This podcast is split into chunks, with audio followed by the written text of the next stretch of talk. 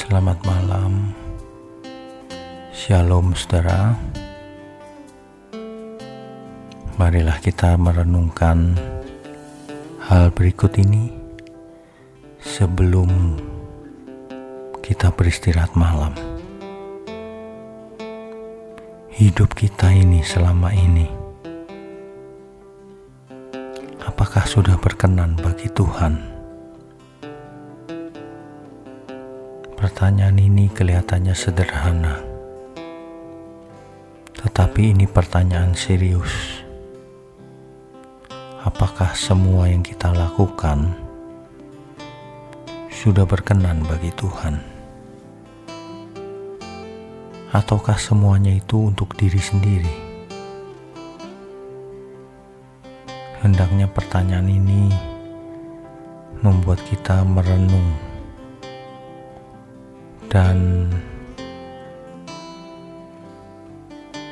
membuat langkah-langkah nyata dalam hidup kita jika ada yang perlu diperbaiki.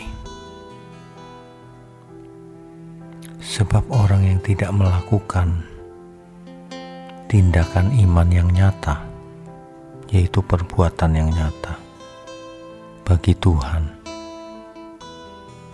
sebenarnya ia belum percaya kepada Tuhan. Sebab percaya yang benar itu bukan percaya dengan pikiran saja, tapi memang kita percaya kepada Tuhan, sehingga kita pun mempersembahkan seluruh hidup kita bagi Tuhan. Baik sedang ada di rumah, di kantor, di pekerjaan, di bisnis, apa pun itu.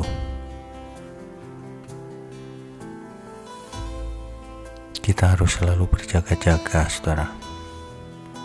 Jangan sampai kita merasa bahwa kita sudah berkenan bagi Tuhan padahal belum.